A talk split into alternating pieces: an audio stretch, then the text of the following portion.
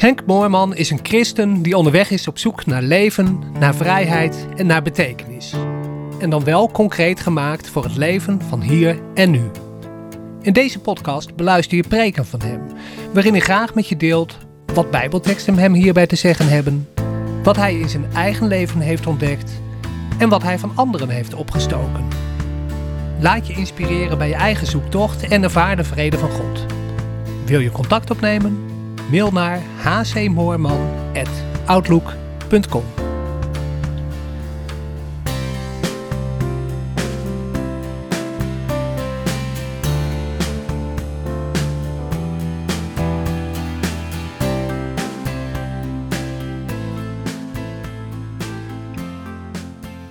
Zo af en toe dan komt de vraag, opmerking, we zouden niet eens af en toe of wat vaker een preek moeten houden over het fundament, zal ik maar zeggen. De hele fundamentele dingen.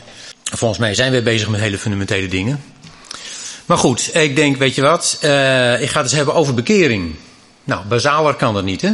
Aan de hand van Hosea 11, vers 1 tot 5. Toen Israël een kind was, heb ik het lief gehad, en uit Egypte heb ik mijn zoon geroepen. Hoe meer men hen riep, des te meer dwaalden ze weg. Aan de Baals offerden zij en aan de gesneden beelden brachten zij reukoffers. En ik leerde Ephraim lopen. Ik nam hen op mijn armen, maar zij onderkenden niet dat ik hen genas.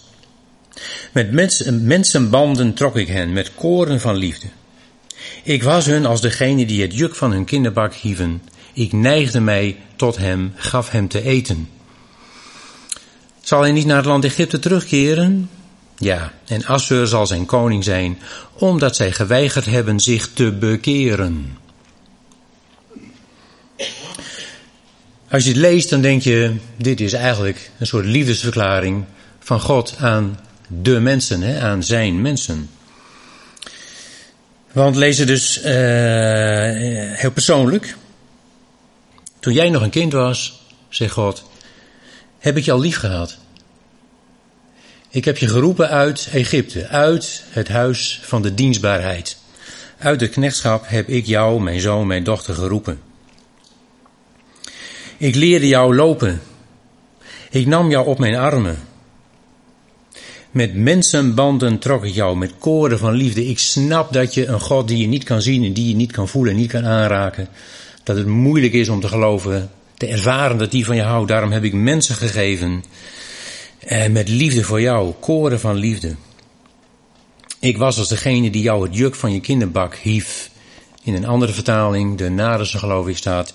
Ik was voor jou als iemand die een baby optilt en tegen zijn wangen houdt.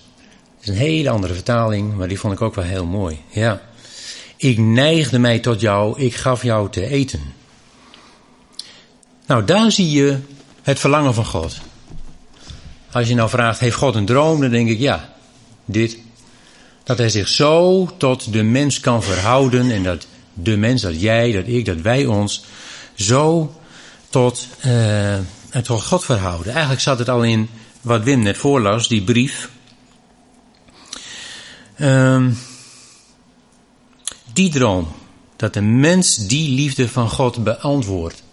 Jacobus zegt ergens, er staat niet voor niks dat hij de geest die hij in ons deed wonen, met jaloersheid begeert.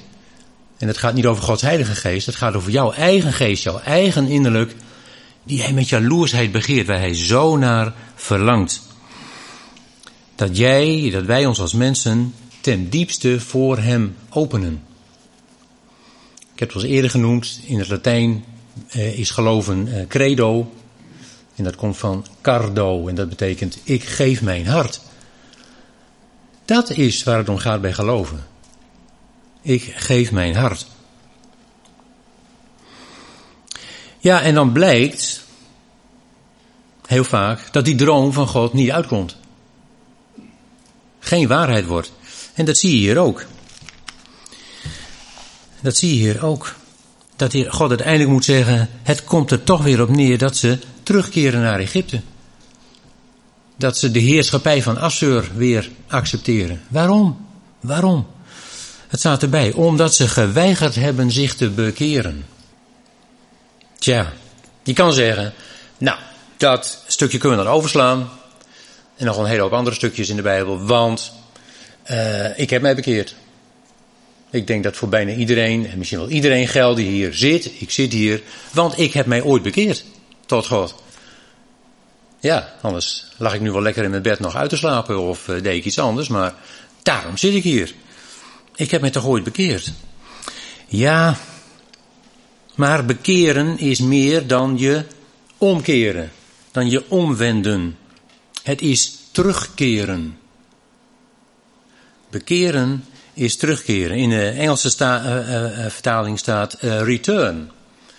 They refused to return. En dat is terugkeren. Het is ook terugkomen, betekent het. En dat zijn eigenlijk twee kanten van dezelfde medaille. Als je het bekijkt vanuit degene die teruggaat, heb je het over terugkeren.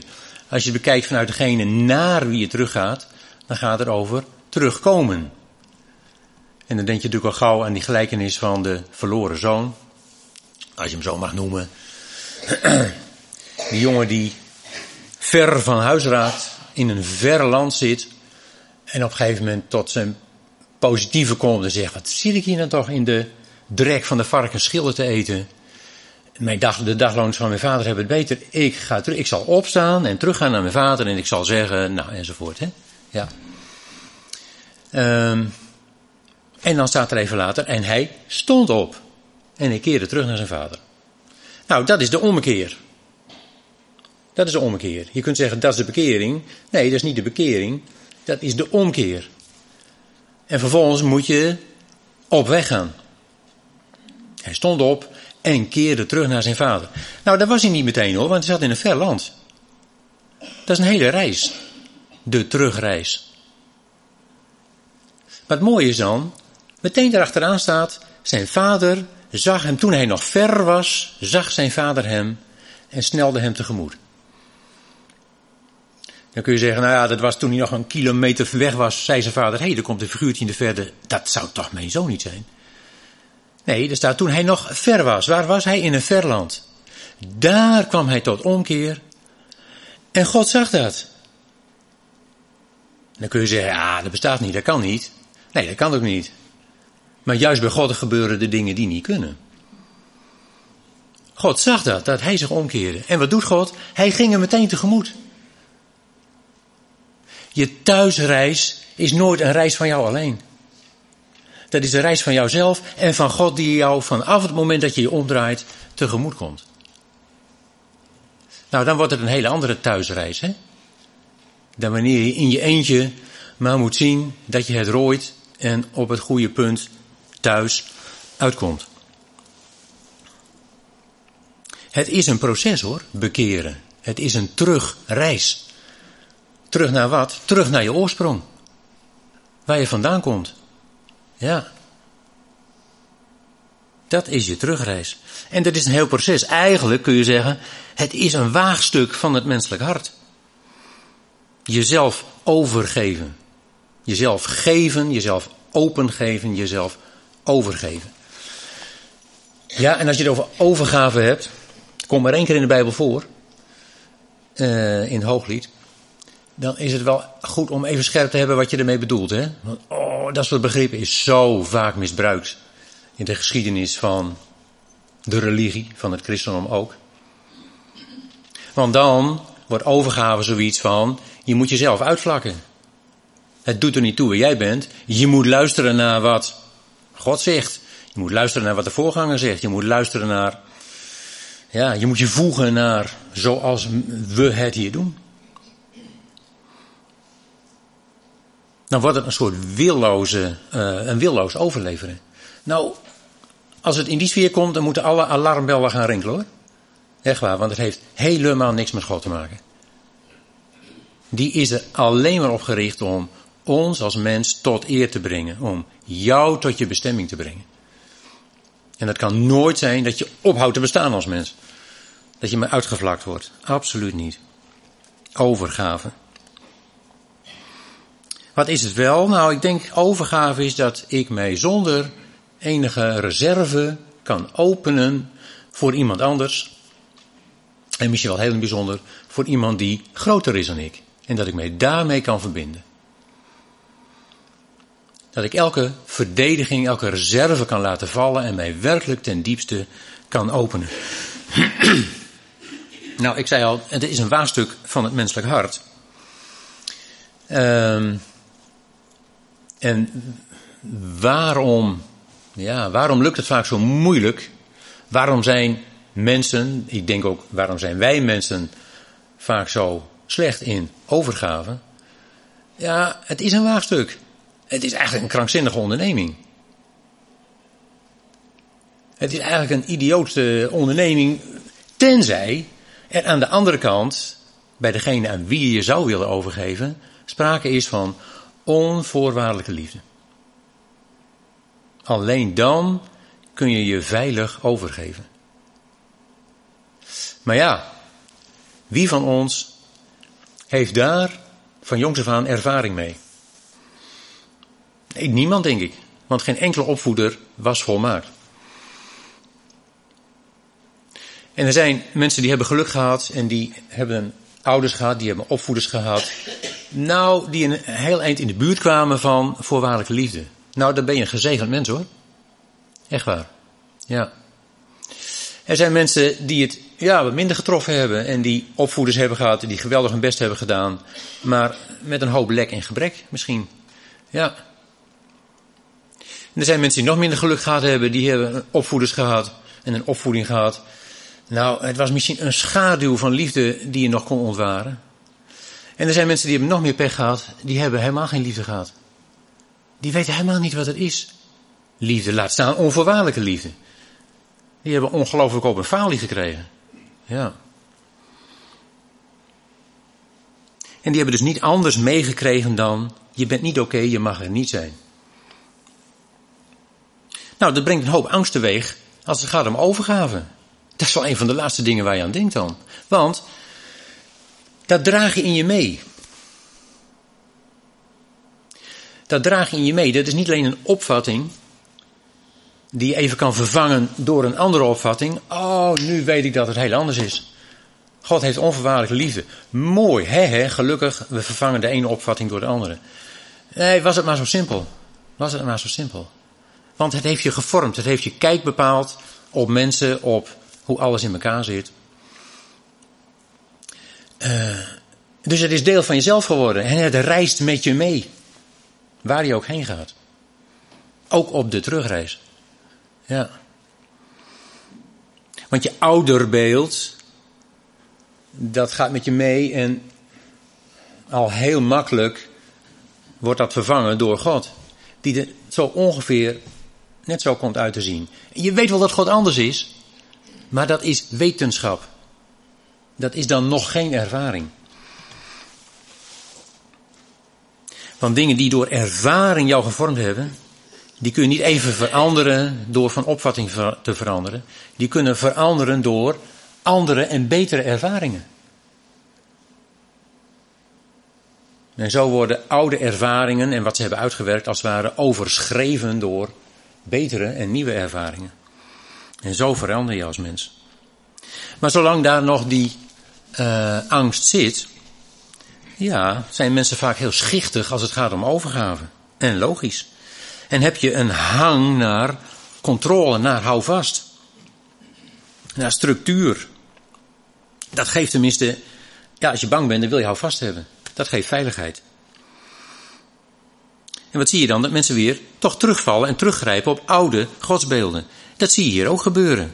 Geroepen uit Egypte. En wat gaan ze doen? Toch weer offeren. Ja, gaan toch weer een nieuw begin. Ze hebben zich omgekeerd. Uh, en wat denken ze? Oh, nou moeten we God dienen. Ja, het heet niet voor niks godsdienst. Nou moeten we God gaan dienen. Nou moeten we God tevreden stellen. Dan moeten we naar zijn wil gaan leven. Ja, dat is dus offeren. En God zegt, offers, ik vraag ze niet hoor. En als ik dan toch offer, ja, je kan zeggen, ik ben een de baal aan het offeren. Ik gedraag mij naar mijn oude godsbeeld. Godsdienst. Ik zou zeggen, het woord zegt het al. Het is Gods dienst aan de mens. Want als er één de grootste is in het koninkrijk van God, dan is het God. Ja, en wie is de grootste? Dat is alle dienaar. Zo eenvoudig zijn de wetten van het koninkrijk van God hoor. Ja. Wat heel iets anders is dan dat God zich door mensen laat commanderen en sturen. Gelukkig niet. Ja. En ze grijpen weer terug op gesneden beelden. Dat je precies gaat uitzoeken hoe het allemaal is. En hoe het allemaal in elkaar zit. Dat je precies weet uh, wat God van je wil en, uh, en wat niet mag. En dat kun je uittekenen, je kunt het anderen vertellen. He, he. Gelukkig. We hebben God een beetje op onze maat geknipt. We hebben gezorgd dat hij een beetje binnen de grenzen van ons bevattingsvermogen past. Dat voelt wel rustig. Ja, hij kan ons niet meer verrassen. Wij hebben hem getemd, zal ik maar zeggen. Gedomesticeerd. Ja. En dat geeft lekker rust. Denken we. Ja, en hier zie je aan het eind ook, wat is het eind van het liedje? Terug naar Egypte. Nou, dat zag je al bij dat volk, hè? Ze waren amper daar onderweg. En ze zouden zich toe moeten vertrouwen, moeten overgeven aan een God die zegt: Ik ben jullie voorhoede, ik ben jullie achterhoede, ik zal zorgen dat jullie niks ontbreekt en ik zal jullie brengen waar, je, waar ik jullie beloofd heb dat je zal komen. Moesten ze zich gaan overgeven. Nou, dat lukt me heel even. En als de eerste problemen opdoemen, de eerste onzekerheid, hebben we wel eten? En dan begint het geroep al. Waarom zijn we hier? Waarom heb je, Mozes, waarom heb je ons meegenomen? Waren we maar in Egypte, daar hadden we tenminste te eten en te drinken. Daar hadden we tenminste houvast. Daar kenden we onze plek. Oké, die was wel helemaal onderaan. En het was geen pretje. Maar je had wel houvast. Je wist waar je aan toe was. Het is geen echt leven. Maar het leverde wel iets op. Wat deden ze daar? Bouwen. Bouwwerken. Niet de piramides waar wij ons nog aan nu aan vergapen. Maar steden. Voorraadsteden. Ja, voorraadsteden. En maar bouwen. Voorraadsteden. Ja, ik denk dat is het, de valkuil, het risico van iedere gelovige. Maar vooral van mensen die altijd bezig zijn om te zoeken hoe zit het, hoe is het. Nog dieper de waarheid in, nog. Wij willen toch weten hoe en snappen dat. En en je kunt steeds meer voorraad vergaren. De steden worden steeds voller. En denken dat dat geloven is. Uh, en daarin groeien. Dat je denkt, geloven dat is een, een, een samenstel van waarheden. Een geheel van mooie gedachten en waarheden. Die ik beaam. En naarmate ik daarin groei, groei ik in geloof. Op zich, daar is helemaal niks mis mee. Daar is helemaal niks mis mee. Want het is wel je, uh, je routekaart. Je kompas. Uh, en dat heb je wel nodig, wil je onderweg niet verdwalen. Maar op zich brengt het je niet verder. Ik hou er zelf van om naar kaarten te kijken, liefst hele gedetailleerde van die topografische kaarten. Of als we ergens op vakantie zijn, om te kijken hoe, hoe zit het allemaal in elkaar en hoe lopen de wegen. En dat vind ik gewoon leuk. Daar heb ik aardigheid in. Maar brengt het mij verder? Helemaal niks. Het is je kaart, maar het is ook niet meer dan je kaart. Je moet op weg gaan. Anders kun je de rest van je leven uh, de kaart steeds verder verfijnen. En, en alle knooppunten uh, erop schrijven en ik weet niet wat. Maar, maar je komt geen stap verder.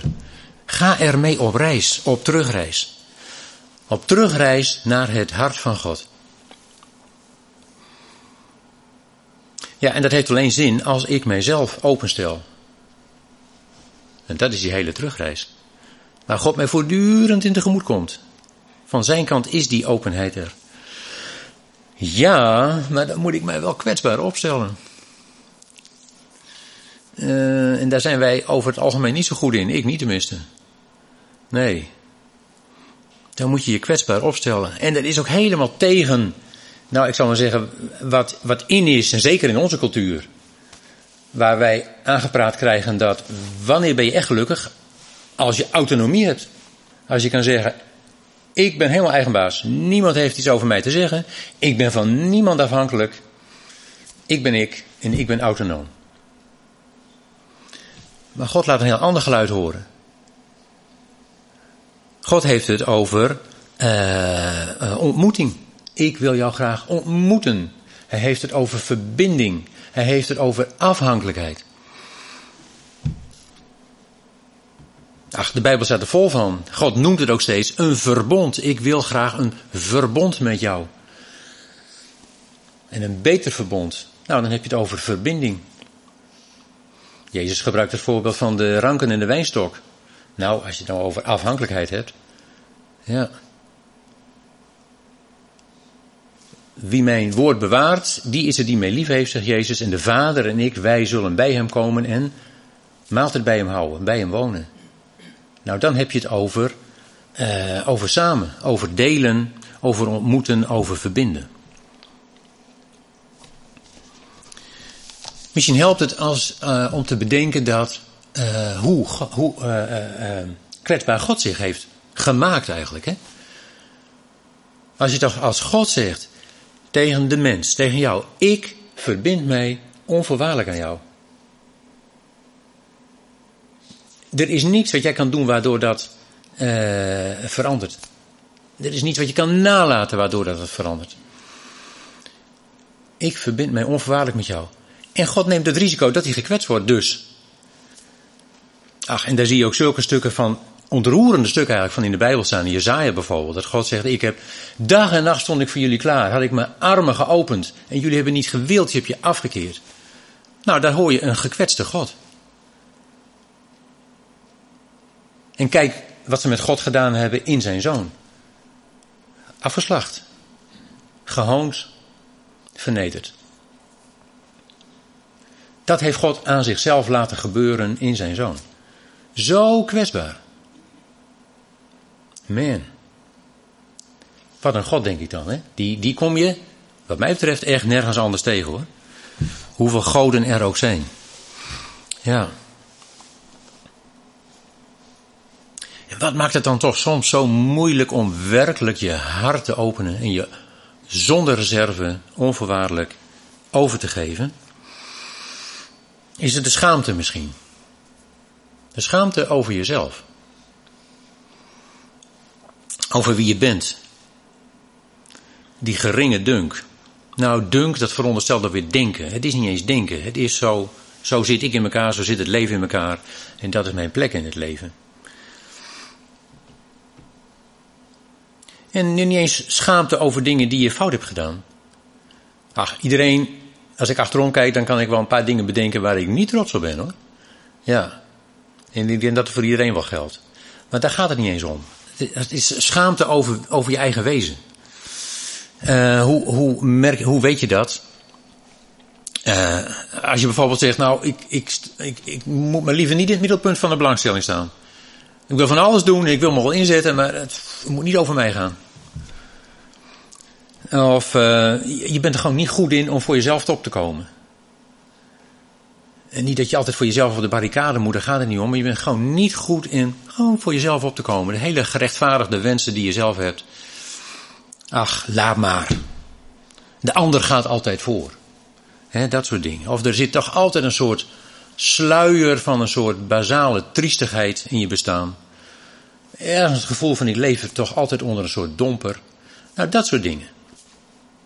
Ik denk dat dat symptomen zijn van ik noem het maar schaamte over wie je bent. Hoe kom je daaraf?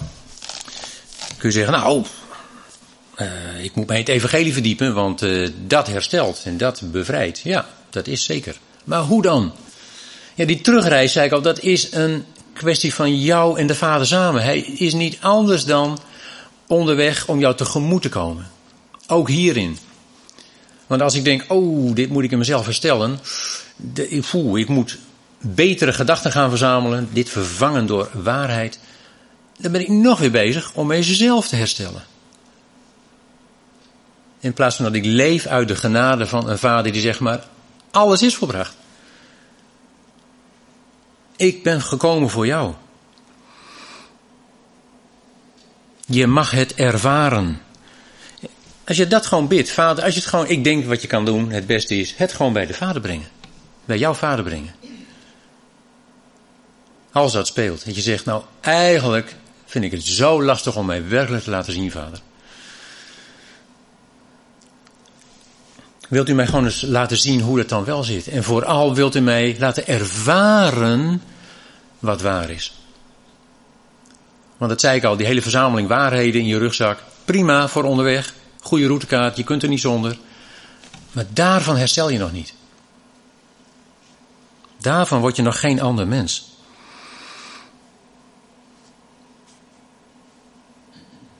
Dat is zo wezenlijk. En God doet dat hoor. Hoe doe je dat? Hoe kun je dat heel concreet doen? Nou, ik denk door gewoon eens stukjes uit de Bijbel te nemen. Bijvoorbeeld zo'n stukje uit wat we net gelezen hebben, Hosea. En dus, je kent veel meer stukjes natuurlijk. En ga die eens herkouwen. En niet analyseren, maar gewoon eens op je in laten werken. Hoeveel liefde van God voor mij spreekt hij nou uit? Vader, laat mij dat nou gewoon eens ervaren. Want die betere en nieuwe ervaringen maken dat de oude langzamerhand vervagen. En dat je een ander mens wordt, dat je een nieuw mens wordt. En dan kan ik mij zonder reserve en zonder die verdedigende houding uh, overgeven en daarin groeien. Ja, en dat is de levenslange reis naar het hart van God, die bekering heet. Die reis. En naar de mate dat ik daar verder in kom op die weg, in die reis, uh, er wordt ook Gods kracht openbaar. Want voor mij staat als een paal boven water. Er is maar één kracht in hemel en op aarde. Die kan maken dat de gebeden die we net hoorden waar worden. Heer, laat er nou alstublieft een nieuwe hemel en een nieuwe aarde komen. Die kracht is Gods liefde hoor. Het is echt de enige kracht. Ja. En daar zullen we het van moeten hebben. Nou, dan hebben we met elkaar, en dan heeft de mensheid nog een hele weg te gaan, hè, als je om je heen kijkt. Maar oké. Uiteindelijk denk ik, dat is Gods verantwoordelijkheid. Hoe en wanneer precies, Jezus zegt, zelfs wat mij betreft, de Vader heeft de tijden en de gelegenheden aan zich gehouden. Ja. Wij kunnen niet meer doen dan ieder in ons eigen leven daarmee bezig zijn. En dat uitstralen. En daarvan uitdelen. Nou, dat heb je in de gebeden ook gehoord. Ja. Die volmaakte liefde van God. Dat is de volmaakte liefde hoor. Ik hoef niet volmaakt te zijn in de liefde. Gods liefde, die is volmaakt. En die drijft dus alle vrees uit.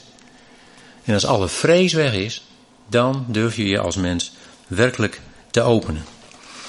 En zo, zo kom je als mens op je bestemming bij het vaderhart van God. Dat is je bestemming. En al het andere, misschien heet het wel godsdienst, al het andere is je doel missen. En dat is pas zonde. Dat is pas zonde, ja. Ik zou zeggen, eh, een goede terugreis in een behouden thuiskomst.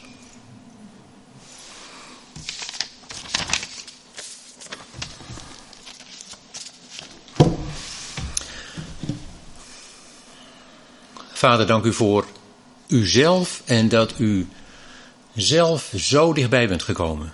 In wezen uzelf zo kwetsbaar heeft gemaakt. Opdat wij maar de moed zouden hebben om ook kwetsbaar te zijn naar u toe. Om ons werkelijk te over te geven ja, aan de bron van alle licht en van alle liefde. Dank u Vader dat u van uw kant alles, maar dan ook alles ervoor over heeft gehad om dat te bewerkstelligen. En dat u die reis, die terugreis, samen met ons gaat. Dat we die niet alleen hoeven gaan. Nou, vader, dan is dat op zich een, ja, een feestelijke reis. Ja, ondanks de moeite en de ups en de downs die we natuurlijk tegenkomen. Maar we weten, u bent erbij. En u zult maken dat wij uitkomen waar u beloofd hebt dat we zullen komen. In dat beloofde land. Amen. Wil je contact opnemen? Mail naar hcmoorman.outlook.com